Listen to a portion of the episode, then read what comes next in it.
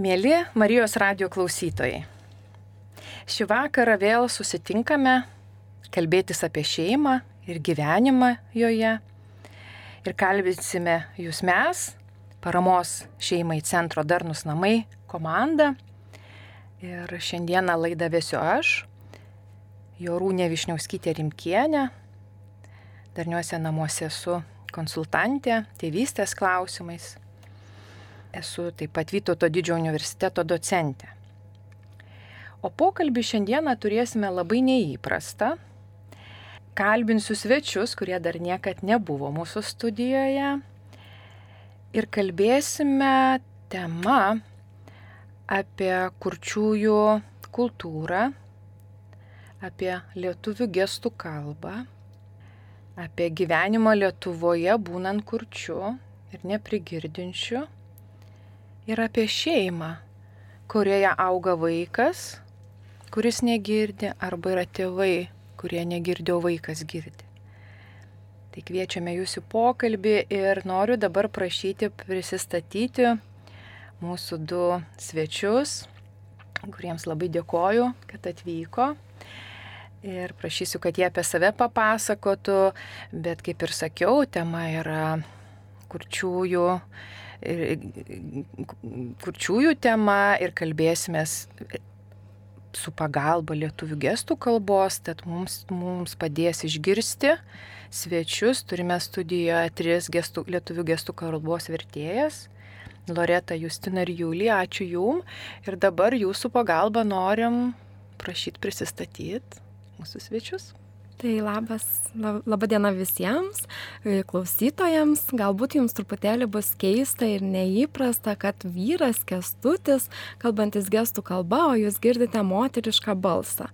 Tai yra todėl, kad tai yra gestų kalbos vertėja ir jūs nematote dabar mano gestų kalbos, nes esu pats radijoje ir kalbu gestų kalba, bet jūs girdite kitaip, tai aš tikiu, kad jums truputėlį šis pokalbis gali būti neįpras, bet, bet įdomus ir atrasite daug naujo įdomių dalykų.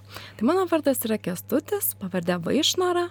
Pirmiausia, noriu pasakyti, kad aš esu žmogus jaučiu labai daug gyvenimo įvykių, daug yra stereotipų, etikečių klyjuojamų ir dažniausiai žmogų žiūrima kaip į, iš medicininės pusės, žmogų žiūrima į mane kaip į neprigirdinti. Nors iš tiesų, kultūriškai žiūrint į mane, aš jaučiuosi, kad tiesiog esu kurčias žmogus, kur, priklausau kurčiųjų bendruomeniai. Aš galiu girdėti šiek tiek, balsu kalbėti šiek tiek galiu, bet viduje aš jaučiuosi, kad priklausau kurtiesiems. E, aš dirbu universitete dėstytoju, taip pat e, padaudė universitete anksčiau dėščiau, Vilniaus kolegijoje dėstau, šiuo metu pats mokausi doktorantūros studijose, būtent apie socialinį darbą ir labai daug e, veiklų, tai tikiuosi, kad tas pokalbis bus gilus ir įdomus. Sveiki visi, visi klausytojai. Norėčiau rodyti gestą žiūrėtojai, bet negaliu, jūs negalite manęs matyti, taigi per vertėją prisistatysiu. Tikiuosi, kad gerai mane girdėsite. Esu Vytautas ir esu kurčiasis ir turiu tris vaikus. Tai jie yra kurčiųjų tėvų girdintis vaikai. Ir labai įdomu, daugelis žmonių kyla klausimas, kaip kurtieji tėvai augina girdinčius vaikus, kokia jų patirtis, nors iš tiesų visa tai yra paprasta. Visi mes Lietuvoje panašiai gyvename. E, kur tie žmonės gali turėti išsilavinimą, e, darbą, taigi ir aš visą tai turiu ir tuo pačiu turiu ir šeimą. Na ir esu tėvas. Tai šiandien tikrai tikiu, kad šita tema bus įdomi, kokia ta mano patirtis kaip kurčiojo tėvo ir galbūt ir jūs šiandien kažką naujo sužinosite. Tai ačiū abiem už prisistatymą. Jaučiu, kad ne viską apie save pasakėt, bet dėl gal grįšim. Tikrai esat labai nemažai nuveikę, bet manau, prie tų temų dar grįšim. Žinot, norėčiau pirmiausiai pradėti nuo to, kad Lietuvoje požiūris į kurčią žmogų labai vairus paprastų piliečių vienoks, mediko, kai eina kurtysis ar ne, nesvarbu pas kokį mediką kurčiasis ar ne kitoks, pardavėjo parduotuvė ar netikriausiai, teisininko, nes reikia ir teisinius klausimus spręsti, policininko, kai gal ratą nuleidžia ar kokia avarija atsitinka ar ne. Tai tikrai visoks. E, bet aš noriu jūsų paklausti, kaip jūs, va dabar pirmiausiai kaip žmonės, kaip jūs, būdami kurtieji, jaučiatės Lietuvoje, jaučiatės mūsų visuomenė. Tiesiog, kaip jūs jaučiatės, ką, ką jūs patirėt. Na, tai dabar kalbės kestutis, aš noriu pasisakyti. Tai iš tiesų galiu atvirai pasakyti, kad aš didžiuojuosi Lietuvoje gyvendamas, nes palyginant su tuo, koks buvo požiūris anksčiau į kur čia žmogų ir toks, koks yra dabar, jis labai pasikeitęs, labai džiuginančiai pasikeitęs. Pavyzdžiui, mano proseneliai buvo girdintys žmonės ir iki to jie, ne, apie kurčiuosius jie nieko nežinojo. Gimus mano e, močiutį, jinai buvo kurčia, jie tą pirmą kartą susidūrė su kurčiu žmogumi ir jie labai drovėjosi pasakyti, kad jiems gimė kurčias vaikas, nes tuo metu požiūris į kurčiuosius jie galvoja, kad bus kvaili, kad neturės išsilavinimo, kad nieko negalės. Ir ilgą laiką slėpė netgi nuo kaimynų, kad turi kurčią dukrą proseneliai. Tai tikrai anksčiau tas požiūris į kurčiuosius ir kurtieji viešai, besididžiuodami, tikrai nekalbėdavo gestų kalba. Jie vaidindavo, kad yra girdintieji, bandydavo apsimesti, kad šneka žodinę kalbą. Dabar aš jaučiu, kad gatvėje laisvai eidamas galiu kalbėti gestų kalba. Nejaučiu jokių žvilgsnių. Kartais būna, na tiesiog iš įdomumo žmonės atkreipia dėmesį į gestų kalbą. Bet tokio, kad patyčios būtų ar diskriminacinio požiūrio tokio nėra. Aš tiesiog didžiuojuosi, kad galiu gatvėje gatvėje eiti ir bendrauti gestų kalba. Ir tas požiūris tikrai labai pasikeitė. Labai daug yra laimėjimų, galimybių, pavyzdžiui, Europoje, visame pasaulyje, kurtieji Europoje stebi mūsų, kaip kurtieji mūsų gyvena, kurtieji, kaip jie elgesi, tai tikrai mes pastebėjome, kad įvyko labai labai daug teigiamų pokyčių. Tai nenoriu sakyti, kad kažko labai daug neigiamo yra ne, bet žiūrint į praeitį buvo daug daugiau neigiamų dalykų. Pavyzdžiui, mano proseneliai prieš mirtį sakė, kad palyginus su tuo, kokia buvo situacija anksčiau ir kaip yra dabar, na, tai tikrai, sako, labai graudinanti situacija. Aš labai džiaugiuosi, kad mano dukra yra kur čia. Dabar aš jau džiaugiuosi, jau dabar tai, na, didelis įvykis. E, Vytautas kalbės. E, taip, sutinku su tuo, ką sakė Kestutis dabar, palyginus gyvenimą Lietuvoje, aš ir pats, na, tarkim, prieš COVID e, situaciją labai daug keliavau po pasaulį ir kartais galvodavau, kad Na, visi masto ten geriau, ten geriau, čia nelabai, ten geriau. Bet kai pats pabuvau ten, kažkur kitur pasaulyje, tikrai pastebėjau, kad daugelio aspektų Lietuvoje tikrai netgi geresnis gyvenimas, turime daug galimybių. Žinoma, trukdo tas požiūris, vis dar yra daug stereotipų, Bet ir tas požiūris e, keičiasi ir tikrai manau, kad galima ateityje laukti tik dar geresnio gyvenimo. Ir pritariu Kestučiui, kai jis sakė, kad palyginus mūsų praeitį ir dabartį, Tai tikrai būdavo, kad nei gatvėje, nei viešajame transporte negalėdavai kalbėti gestų kalba, nes e, būdavo patyčios, e, žmonės šaipydavosi, rodydavo, kad čia kažkas kažką mojuoja neva rankomis, o dabar aš jaučiuosi drąsiai ir būna tik vaikai tokie e, išsižioja, žiūri, kas čia vyksta. Ir aš matau, kad net patys tėvai paaiškina savo vaikui, kad, nu, aš tai, kur tie asmenys, jie kalba gestų kalba ir jaučiu, kad man pačiam net nebereikia nieko aiškinti. Daug kalbėt apie lietuvių gestų kalbą. Aš norėčiau, kad jūs truputį labiau įvardint, kas ta lietuvių gestų kalba. Nes čia turim vat, daug gražių dalykų apie dabartį, sakom, aš kažkaip norėčiau, kad vat, jūs ir įvardintumėt, ką galim tikrai garsiai pasakyti, kuo didžiuojamės dėl jūsų gimtosios kalbos. Tai gal keliais žodžiais galėtumėt pasakyti. Kestutis e, kalba ir nori pasakyti, kad pirmiausia yra svarbiausia pripažinti, kad tai yra kalba. Tai numeris vienas dalykas, kad tai yra kalba. Pats pirmiausias, kad tai yra kurčiųjų, taip, tai yra kurčiųjų gimtoji kalba, bet kad tai yra absoliučiai kalba, nebūtinai tik kurtiesiems skirta.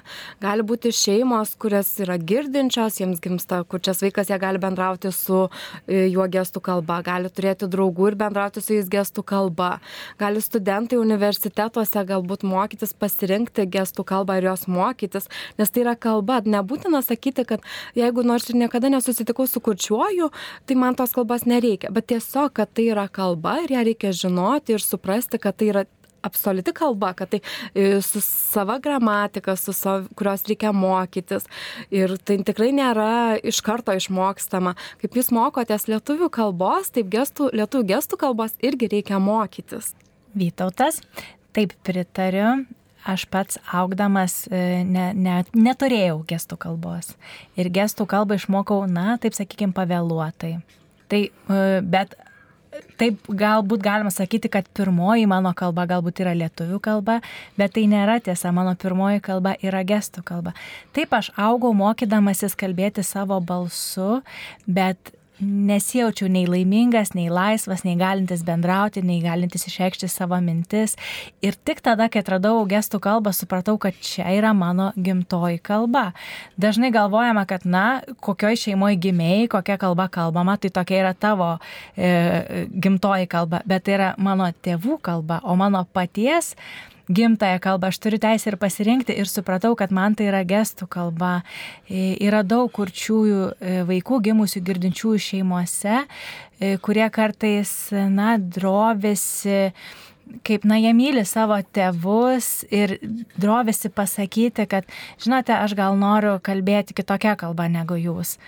Na vėlgi, tai grįžta prie požiūrio klausimo. Dažnai galvojama, kad gestų kalba labai paprasta, kažkokia būtinė, kažkokie pamojavimai, bet kaip Kesutis ir sakė, gestų kalba yra kalba, ji turi savo gramatiką, savo taisyklės ir daugelie pasaulio šalių pripažįstama, kad gestų kalbos yra lygiai vertės kalbos, kaip ir bet kuri kita pasaulio kalba.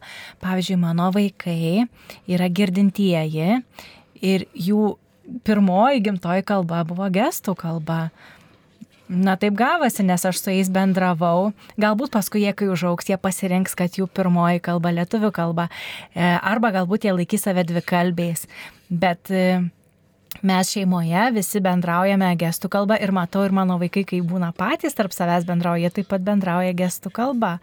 O mokykloje jie kuo puikiausiai kalba lietuviškai. Tai mm, svarbu tiesiog galimybę bendrauti ir galimybę pasirinkti.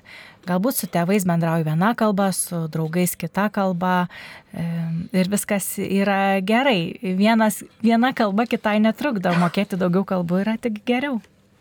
Tai jūs abu esate dvi kalbiai. Taip. Taip.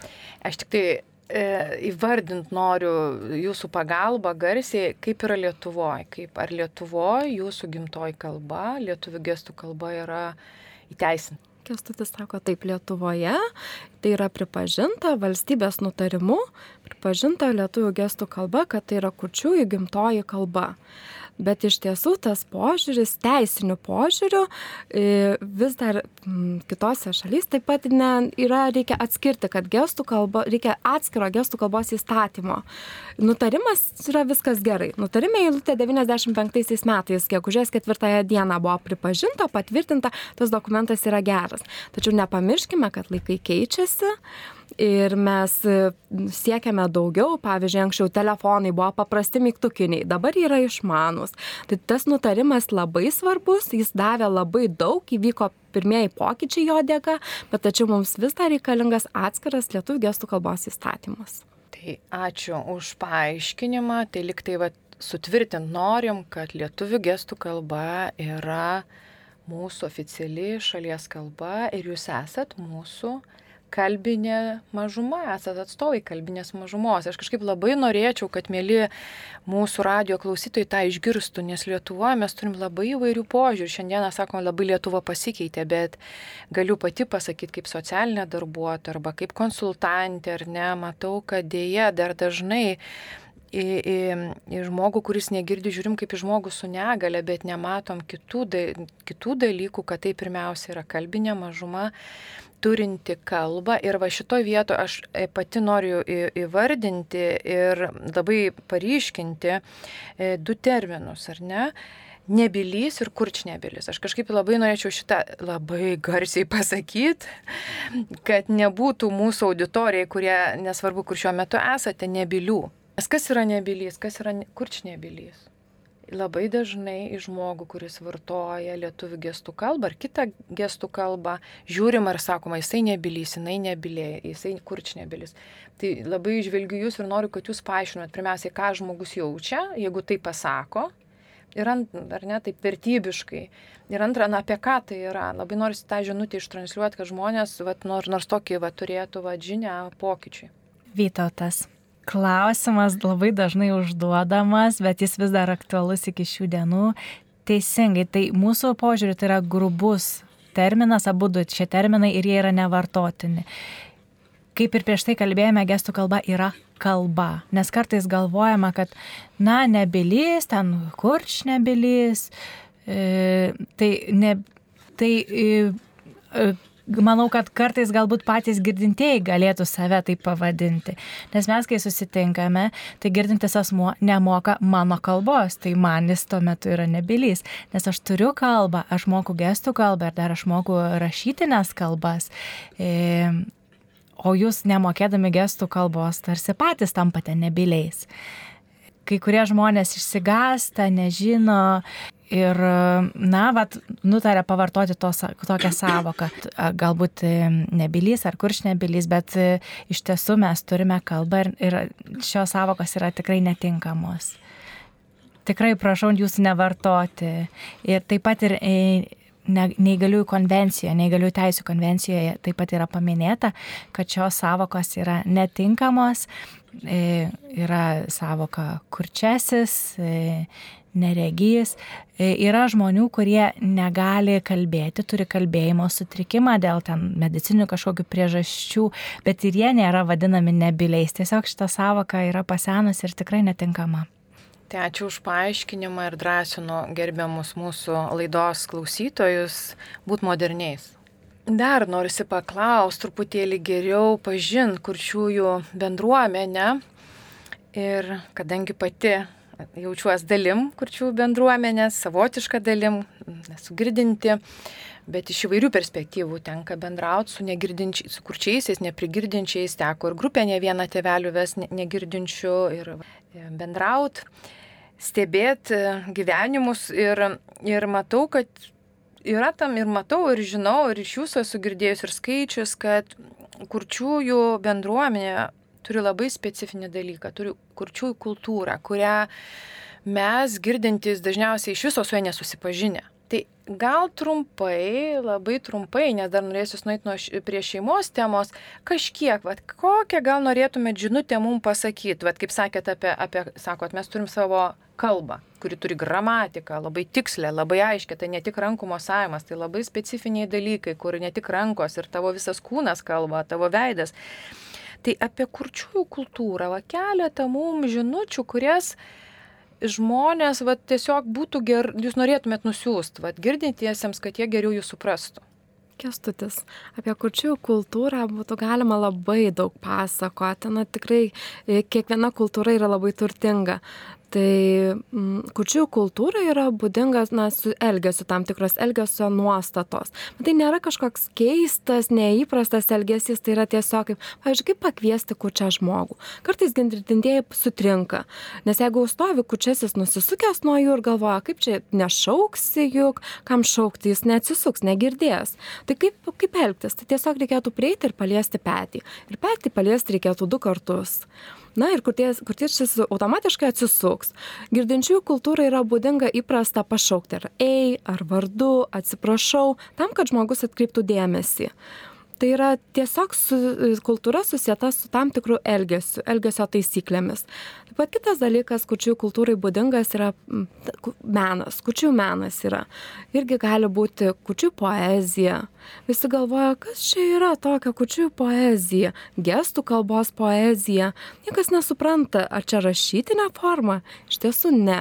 Gestų kalba yra sakoma poezija žmogus savo vidinius jausmus, tai ką mato, savo emocijas, kaip, poezijas, po, kaip poetas papasakoja gestų kalba išraiškingai tai yra mm, ir vertėja, ne visą laiką tas tai yra manoma išversti tą poeziją. Reikia pačiam gerai mokėti gestų kalbą tam, kad žiūrėtum į tą poeto sakomą tekstą ir suprastum. Kartais toje poezijoje yra paslėpta mintis, nors ir moki gestų kalbą puikiai, tu mastai, ką čia norėjo pasakyti poetas. Kaip ir lietų kalbos poezijoje, tu skaitai ir mastai, ką norėjo poetas pasakyti šiais žodžiais. Tai su gestų kalbos poezija yra lygiai tas pats. Taip pat yra e, devija menas. e, kur kurtieji irgi kalba apie audizmą, apie kurtystę, apie meną, apie tą požiūrį į klausą, bandymą pakeisti, apie pagarbą gestų kalbai. Tai gali būti labai labai platus, labai plačios kryptys ir ta kultūra labai labai įvairi. Taip kaip girdintieji sako, mokantis gestų kalbą, atrodo, jau išmokai, vėliau pradedi įsilieti į kučių bendruomenę ir labai nudžiunga žmonės, sako, aš turiu daugybę draugų girdinčiųjų, e, kurie įsilieja į kurčių bendruomenę, jie pasibūna, nori šventėse dalyvauti, gimtadieniuose, pabūti kartu. Jis sako, nes, na, tai yra kitokia patirtis, kitokia kultūra, yra daugybė žaidimų, šokiai, kartais sako, kurtieji šoka, stebisi žmonės. Iš tiesų taip, kurtieji jaučia vibraciją ir pagal tą vibraciją gali laisvai šokti. Ar visi tai mėgsta? Ne. Kaip ir girdintieji, ar visi mėgsta šokti, kai kurie tiesiog pastovi pas, paspraksi pirštais ir viskas. Kiti labai labai mėgsta šokti, tai visgi priklauso nuo pačio žmogaus. Vytautas, kurčių kultūrai labai svarbus du dalykai. Visų pirma, tai matymas akių kontakto palaikymas. Tai yra ypatingai svarbu. Be akių kontakto komunikacija tiesiog neįvyksta. Jeigu tu nežiūri į kalbantį, vadinasi, tu nerodai jam pagarbos. Būtina palaikyti akių kontaktą. Nesvarbu, ar stotelį, ar kasoje, ar parduotuvėje. Jeigu jūs susidurite su kurčiuoju žmogumi, tai nežiūrėkite į savo lapelius kažkokius raštelius, bet žiūrėkite žmogų į veidą. Tai yra ypatingai svarbu komunikacijai, bendravimui, labai svarbu matyti vienas kitą kito veidą. O antras dalykas, pavyzdžiui, kavinėje e, noriu pasakyti, kaip kurtieji pa, palinki vienas kitam skanaus, tai yra pabeldžiama į stalą. Žinoma, tai nėra stiprus kažkoks baladojimas, bet truputėlį pabeldžiama į stalą. Tai turėkite tai omeny ir jeigu matysite ar kartu valgysite su kurčiaisiais, tai pabelskite į stalą ir pajutę stalo vibraciją, supras, kad jūs jiems linkite skanaus ir jiems bus labai smagu. Dar e, tautai pasakėjai, kad, e, ar ne, kad geriau žiūrėkite į akis negu į raštelius, bet jeigu, sakykime, iš tiesų susitinki kažkokio situacijoje žmogų, kuris negirdi, nori mėgs kontaktą, nu, atsitiko kažkokia situacija, kažkokia gal kuri reikia daugiau to susitikimo, ar ne, ne tik pažiūrė akis ir pasakai labas, bet, vat, nu, nežinau, avarinė kažkokia situacija, ar nuleido, nuleido padangą ir reikia kontakto, ne, nesvarbu kur. Tai kaip, va, tokia pirminė ABC, kaip su žmogum, kuris negirdi, kvieštumėt bendrauti, užmesgus kontaktą, nusišypsojus, ar ne tą žmogišką susitikimą pirminė, o kaip toliau patartumėt bendrauti, va, tokiam elementariam, bet kur reikia, ar, nes dabar naujosios technologijos juk labai daug leidžia, ką galėtumėt, kokį duoti žmogui girdičiam patarimą susitikus žmogų, kur, su kuriuo nori pabendrauti? Vytautas. Mhm. Susitikus. Na, kurtieji dažniausiai žino, kaip bendrauti. E, dažniau e, bendravimas yra girdinčiųjų silpnesnė vieta, bet aš džiaugiuosi, kad yra e, girdinčiųjų, kurie supratę, kad bendraus su kurčiuoju, imasi priemonių, ar lapelį tušinuką išsitraukia, ar mobilų telefoną surinkti tekstą, arba pradeda, na, pavaidinti, pantomimą užsimti, tada aš jaučiuosi e, lygiai verčių tikrai esant reikalui man labai patinka, kai girdintieji bendrauja pantomimos būdu, bet galima, žinoma, ir raštu, bet aišku, jeigu mokėsite gestų kalbą, tai aš būsiu devintame danguje, čia geriausias būdas bendrauti. Suprantama, bet tikrai galima bendrauti, na, problemos atveju tas problemas išspręsti galima ir rašteliais, ir pavaidinant, pavyzdžiui. Aš tikiuosi, mes išdrasino mūsų klausytojus eiti kontaktą su žmogum, kaip sutiks negirdinti. O dabar dar kiek turim laiko, aš visgi kviešiu ateiti prie šeimos temos, ar ne? Nes iš tiesų e, yra šeimų, kuriuose auga vaikas, kurčias, negirdintis, tėvai girdintis ir kiti gal šeimos nariai. Ir gali būti atvirkščiai, atvirkščiai kaip Vytautai dalinaisi savo, ar ne, istoriją, kad tėvai kirtieji, vaikai girdintis. Aš norėčiau truputėlį jūs pakalbint, e, vat apie šeimos gyvenimą ir tiek, kiek turim laiko, ne tiek daug, bet vat irgi kokią žinutę norėtumėt atnešti bendrajai mūsų auditorijai, gal net ir specialistam, ar ne, ką reikėtų žinoti. Nes mes, vat, e, kaip konsultantai, kartai susidurėm. Tokie atvejai turėjom, ar net jo girdintis tėvelį, mergaitė maža, ir jinai, jos nemokino lietuvių gestų kalbos, jau rimtos psichologinės mergaitės problemos. Ir žinot, su kuo geriausia turėjo kontaktą, kas atvesdavo pas mus į darnius namus, tai atvesdavo jos auklę, nes jinai kažkaip intuityviai bandė gestų kalbą su ją kalbėti. Ir vienintelė turėjo su ją gerą ryšį. Tuo tarpu namiškiai ir vienas iš namiškių neigė neigia, kad čia ką, reikia vaikų gestų kalbos, lietuvių gestų kalbos ir va tai iššaukia labai didelės psichologinės problemas. Tai gal gali truputėlį ir aš čia, jeigu galėtumėt per savo truputį patirti, ką, vat, ką reiškia vaikui aukti girdinčiam kurčių šeimoje ir atvirkščiai, ką turėtų žinoti, kur, nu, vat, kur tie tėvai ir kai yra girdintis vaikai. Gerai, kestutis sako, iš tiesų apie šeimą kalbėti, tai dabar galiu pasakyti, kad tikrai esu laimingas, tikrai džiaugiuosi, esu dėkingas savo e, kurtiesiems tevams, taip pat savo jau amžinatelsi proseneliams. Kodėl? Aš pas, kai augau, iš medicinio požiūrio, aš esu neprigirdintis asmuo. Jeigu gatvėje mane sutiktumėte, aš galėčiau su jumis kalbėti lietuvių žodinę kalbą. Aš galiu girdėti šiek tiek. Dabar nešioju klausos aparatą bet e, moku gestų kalbą. Ir kodėl moku gestų kalbą? Aš gyvenau nuosame name, pirmame aukšte, gyvenau su savo tėvais, jie kurtieji, tai augo kurčiųjų bendruomenė, kurčiųjų kultūroje. O antrame aukšte gyvena mano prosenelį, jie buvo girdintys ir tai ten augau girdinčių kultūroje. Pirmame aukšte gestų kalba bendrau, antrame aukšte lietuvių žodinė kalba. Tai augau dviejose kultūrose, bet gestų kalba man tikrai niekada netrukdė ir mano žodiniai kalbai niekada netrukdė.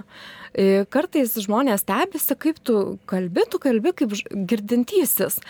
E, ir galvoja, kad esu girdintysis. Kartais žmonės galvoja, kad mokantis e, gestų kalbos, tas trukdo žodiniam kalbėjimui. Bet aš esu labai labai džiaug, laimingas, kad aš priklausau toms dviems kultūroms ir kad dabar Lietuvoje galbūt trūksta informacijos ir daugės apie kurtystę. Kurtystės tema. Kas tai yra? Tai yra buvimas kurčiuoju. Apie tai reikia kalbėti ir daug kas nesupranta, kad dauguma žiūri vis dar į medic medicininių požiūrių, žiūri į žmogaus klausą, galvoja, kad ją reikia pataisyti, reikia e, implantų, aparatų, bet na, tikrai yra skirtingi požiūriai ir svarbu žmogui duoti gestų kalbą, duoti galimybę. Nes aš su klausos aparatu, aš klausos aparatą pradėjau nešioti būdamas 24. Ir mano tėvai patys sakė, kada tu norėsi, kai norėsi, pats pasirinksi tavo teisę. Aš pats pasirinkau tuo metu, kai jaučiau, kad man reikia to aparato. Bet nebuvo kalbama, kad tai būtina, kad be jo neišgyvensi. Nebuvo tokios temos. Ir aš visą laiką sakau, nesvarbu, ar vaikas neprigirdintis, ar ne, ar klausos aparatas, ar koklernis implantas yra, svarbu ir gestų kalba. Na ir galiu tokį pavyzdį pasakyti, aš pats dėstau mm, universitete ir viena studentė buvo, aš visiškai nežinau, kad jog ji nešioja koklearinį implantą. Jos buvo ilgi plaukai, jinai kalbėjo įprastai žodinę kalbą ir aš mokiau apie kurčiuosius, apie gestų kalbą. Jinai manęs paprašė individualios konsultacijos. Aš nesupratau, kodėl, galvoju, gal nori tiesiog pasigilinti šią temą, sakau gerai. Ir jinai man vėliau pasakė, sako, aš 30 metų augau ir mano mama buvo logopedė, mokė ją kalbėti žodinę kalbą, atskirti garsus, girdėti. Ir sako, aš viduje visą laiką jaučiau, kad man kažko trūksta. Aš ne, nejaučiau pilnatvės. Nežinojau apie tą kurtystę. Mano kurtystė nebuvo pažadinta manyje. Ir sako, kai sutikau, susitikau su jumis, jūs pradėjote kalbėti kalbėti šią temą, aš po 30 metų pati pradėjau pajausti, kad aš esu, pajaučiu tą pilnatvę. Ir kartais, na, vaikams ten tėvai ar giminaičiai, pedagogai, kartais vaiką giria, aš dėl, dėl jų stengiuosi kalbėti gal žodinę kalbą, bet mums reikia paklausti, ar tas vaikas tikrai yra laimingas, nes tai yra svarbiausia. Aš galvoju, kad tėvai, tėvams turėtų būti svarbiausia atvirumas. Taip, kartais yra baisu, nerimas, pergyvenimas, kaip bus vaikui, ką jisai veiks toje kurčių bendruomenėje, kaip su ta gestų kalba bus, bet reikia duoti tą galimybę ir pasižiūrėti, kas iš to išeis. Tiesiog svarbu duoti vaikui galimybę. Aš tik tai noriu pasitikslinti, ačiū Kestuti, ką sakai, kad tu kalbi apie tapatumą, ar ne? Čia ta apie mano ašį, kad aš, vat, kur buvimas kurčiuoju yra mano tapatumas. Aš su tuo tada, tada man viskas gerai. Ar, ar teisinga, ar ne? Čia vat norisi pasakyti. Taip, e, kurtumas, tas terminas, tai yra e, žiūrima, kad negirdi ar girdi žmogus, o kurtystė tai yra apie identiteto temą. Tai yra kiekvienas žmogus turi savo tapatybę kažkokią. Yra vyras, e, moteris, moteris turi moters identitetą. Na, yra labai daug kalbama apie tai ir būtent identiteto tema yra labai svarbi. Nes jeigu tu turi tvirtus identiteto pagrindus arba jų neturi, tu jau jeigu jauti, kad tau kažko trūksta, jauti pilnatvės, ieškai kažko, dėl kažkokį nerimą jauti, Vėliau, kai supranti, gauni tą informaciją, tu gali pasakyti, va štai man to trūksta, aš radau pagaliau, galiu drąsiai pasakyti, koks esu, nes, na, šiandieną taip aš galiu pasakyti, kad aš turiu savo identitetą ir jis yra kurtumas, aš esu kurčiasis, aš galiu kalbėti gestų kalba ir aš jaučiuosi puikiai. Aš žinau savo identitetą, aš žinau, koks jis yra. Ir dėl to aš esu ramus, galiu laisvai ir drąsiai bendrauti. Tautas kaip e, įdomiai, įdomiai kestutis pasakė, kas, bet aš noriu apie meilės kalbą pakalbėti, kas tai yra meilė. Ar mane kaip tėvą vaikas privalo mylėti, e, bet, pavyzdžiui, jeigu girdintieji tėvai susilaukia kurčio vaiko e, ir neleidžia jam vartoti gestų kalbos, tai man įdomu, ar tai tikroji yra meilė. Man tai panašiau reikalavimą, kad tu privalai būti toks kaip aš tai ne meilė, o reikalavimas. Ir dabar jau yra kiti laikai, yra kitos galimybės, daugybė naujų galimybių. Ir tikrai galime būti lygus žmonės ir galima pasiti, na, skirti laiko tam, kad vaikas išmoktų pasitikėti savimi, išmoktų atrasti savo identitetą. Nes jeigu mes um, keliame vaikui tik reikalavimus, tai jis tiesiog nuvys ir, ir tikrai nebus lygiavertis pilietis, lygiavertis gyventojas. Tai žinoma, žmonės yra labai skirtingi ir reikia tai gerbti. Aš kartais galvoju, kad tėvai turėtų visgi duoti vaikui pasirinkimą. Na, paklausti, o tave domina e, gestų kalba? Net jeigu ir tėvai priemė sprendimą, kad vaikas galbūt nešios kažkokią klausos aparatą ar kochlearinį implantą, vis tiek reikia paklausti, ko tas vaikas nori. Galbūt laikui bėgant tas vaikas e, sakys, aš nebenoriu ten vieno ar kito dalyko. Bet svarbu e, duoti vaikui pasirinkti, kad jis pats jaustųsi priemęs apie save sprendimą. Nes juk dažnai, kai pasikalbė su žmogumi, tu, kuris turi klausos negalę, klausi, kaip tu jautiesi. Ir dažnai žmonės atsako, kad kažko trūksta, kažkas ne taip. Kur tie įgyvendami patyrė, na, istoriškai žiūrint, ta mūsų istorija tokia, kad į gestų kalbą požiūris buvo labai neigiamas ir su to užaugo, vis laik su tą baimę, su to neigiamu požiūriu. Ir kartais galvoju, jeigu vaikas kurčiasis, tai tėvai tada turi mylėti kažkaip kitaip.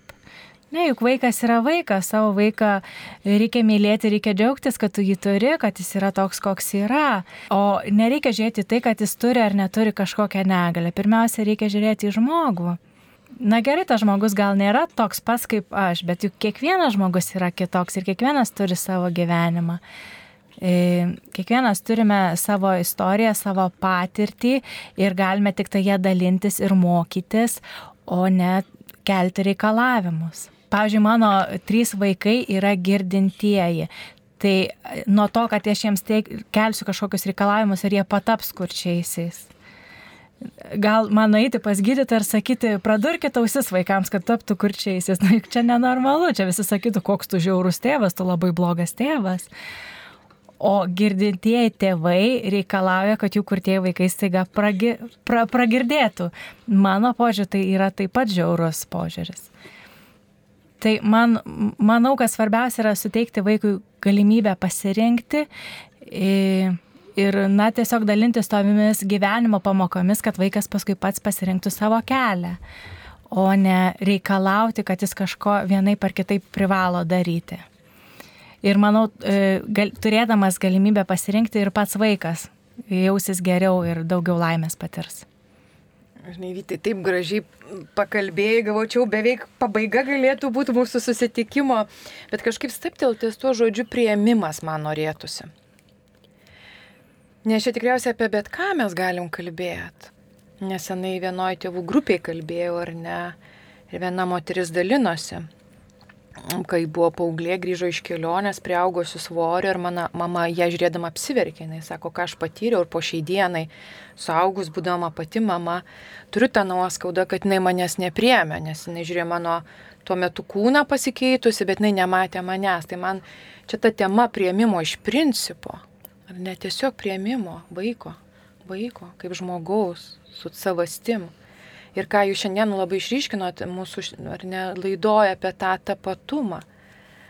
Kad mes turim būti labai jautrus tam patumui. Jeigu mūsų šeimoje gimė vaikas, kuris negirdi, ir mes neturim žmonių aplink, kurie iš tos bendruomenės, tai gal galima apsidaryti aplink ir nebėgti pas specialistą, ar ne, kad iš karto į kokį implant, implantą į galvą įdėtų, bet kalbėti su ta bendruomenė, kaip jūs gyvenat, kas tam vaikui yra svarbu kad jisai ar jinai galėtų būti laimingi, net ne tik tai ir ne.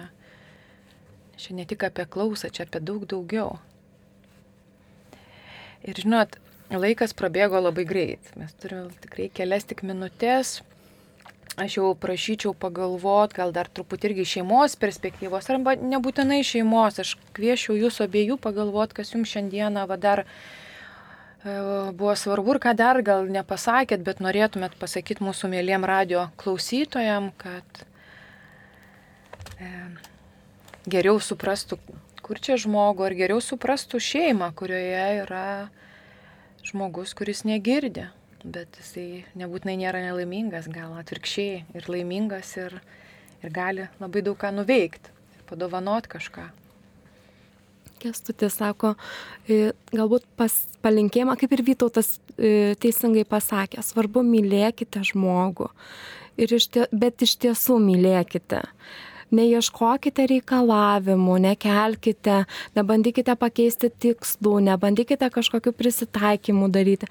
Tiesiog priimkite tą žmogų toks, koks jis yra ir duokite jam galimybę. Duokite galimybę pasirinkti. Nes kartais mes žmonės, na, turim daug tokių, kaip ir mes turim gestų kalbą, turime kučių kultūrą, yra kurtieji, kurie moka labai puikiai gražiai rašyti lietuvių kalbą.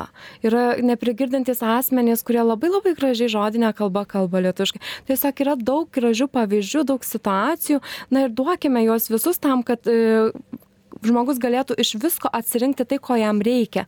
Neduokime vieno pasirinkimo, neduokime vienos tiesiog vienos variacijos. Yra daug skirtingų dalykų, kur gal tas vienas pasiūlytas dalykas žmogui netinka. Tai tiesiog leiskime pasirinkti, mylėkime jį ir duokime pasirinkimą. Tikrai nereikia visiems kažko blogo ieškoti, reikia gerbti vienas kitą ir duoti galimybę žmonėms. Vytautas. Na, galiu pasakyti, atrodo, pasaulis yra didelis, bet taip pat pasaulis yra ir mažas. Kodėl taip sakau? Nes pasaulyje keliaudamas, susitinkdamas kurčiuosius, klausydamas jų istorijos, jų patirties, pamačiau, kad jų patirtis labai panašios. Žmonės skirtingi, taip, žinoma, skirtingi, veidai, plaukai, bendravimo formos skiriasi ir visa tai yra labai įdomu. Bet juk nenorime, kad visi ir gyventume vienodai, būtų pilkas miestas, pilkas gyvenimas ir mes žmonės pilki, tai kokia tada prasme gyventi. Manau, reikia džiaugtis, kad esame visi skirtingi ir nereikia žiūrėti, kokia čia negalė, kiek čia girdi, kiek negirdi, kiek matai, kiek nematai. Tiesiog priimkime tai, kad žmonės yra skirtingi. Ir e, jeigu matote, kad žmogui kažkas sunku, tai geriau tiesiog pagalvokime, kaip tam žmogui padėti, kad jam būtų geriau. Na, pažiūrėjau, kalbant apie kurtumą, apie gestų kalbą, paprasčiausia pagalba, kurią jūs galite padaryti, tai išmokti gestų kalbą. Nes išmokę gestų kalbą galėsite bendrauti su kurčiaisiais asmenėmis ir su daugybė kitų žmonių. Ačiū. Ačiū jum abiem. E, atnešėt spalvų, kaip sakė, ir ne? Tautai, kad būkim, nebijokim būti skirtingi. Tai šiandien ačiū už tas spalvas. Sakot, mano tokia spalva, mano tokia, ir mes gražus, skirtingi, ir mūsų pasaulis spalvingesnis. Tai ačiū už spalvas. mm, gal aš su kuo išeinu, iš ties aš labai tikiuosi, kad šitas pokalbis padėjo kažkam gal naujai išgirst temą gale ir negale. Aš prieš save matau du nuostabius jaunus vyrus, ne tik, kad jie gražus fiziškai ir vidum, bet aš žinau jų gyvenimus, nes aš abu labai gerai pažįstu. Ir žinau, kad jie šiai dienai yra labai daug nuveikę, kad Lietuvoj, Lietuvos padangė, Lietuvos politikoje, drąsiai galiu sakyti, būtų didžiuliai pokyčiai kurčiųjų bendruomeniai. Bet jūs abu labai stipriai pademonstravot ne kartą ir ne du savo pavyzdžiais, kaip būtent gale gali daug. Jūs abu, abu savo bendruomeniai labai svarbu vaidmenį turėjot. Va, Kestutis ką tik baigė kadenciją, būdant Lietuvos draugijos kurčiųjų prezidentų, Vytautas, ne, prieš tai buvo, ar ne, jūs abu taryboje daug nuveikėt, bet tą gal pabaigą ir pasakiau jūsų tą, tą vat, stiprų žingsnį tam, kad žmonės, kiti, kurie dažnai girdi arba turi atrodytų ne, tų galių, bet sėdi ir, ir keikia gyvenimą, ar yra nelaimingi ir nieko nedaro.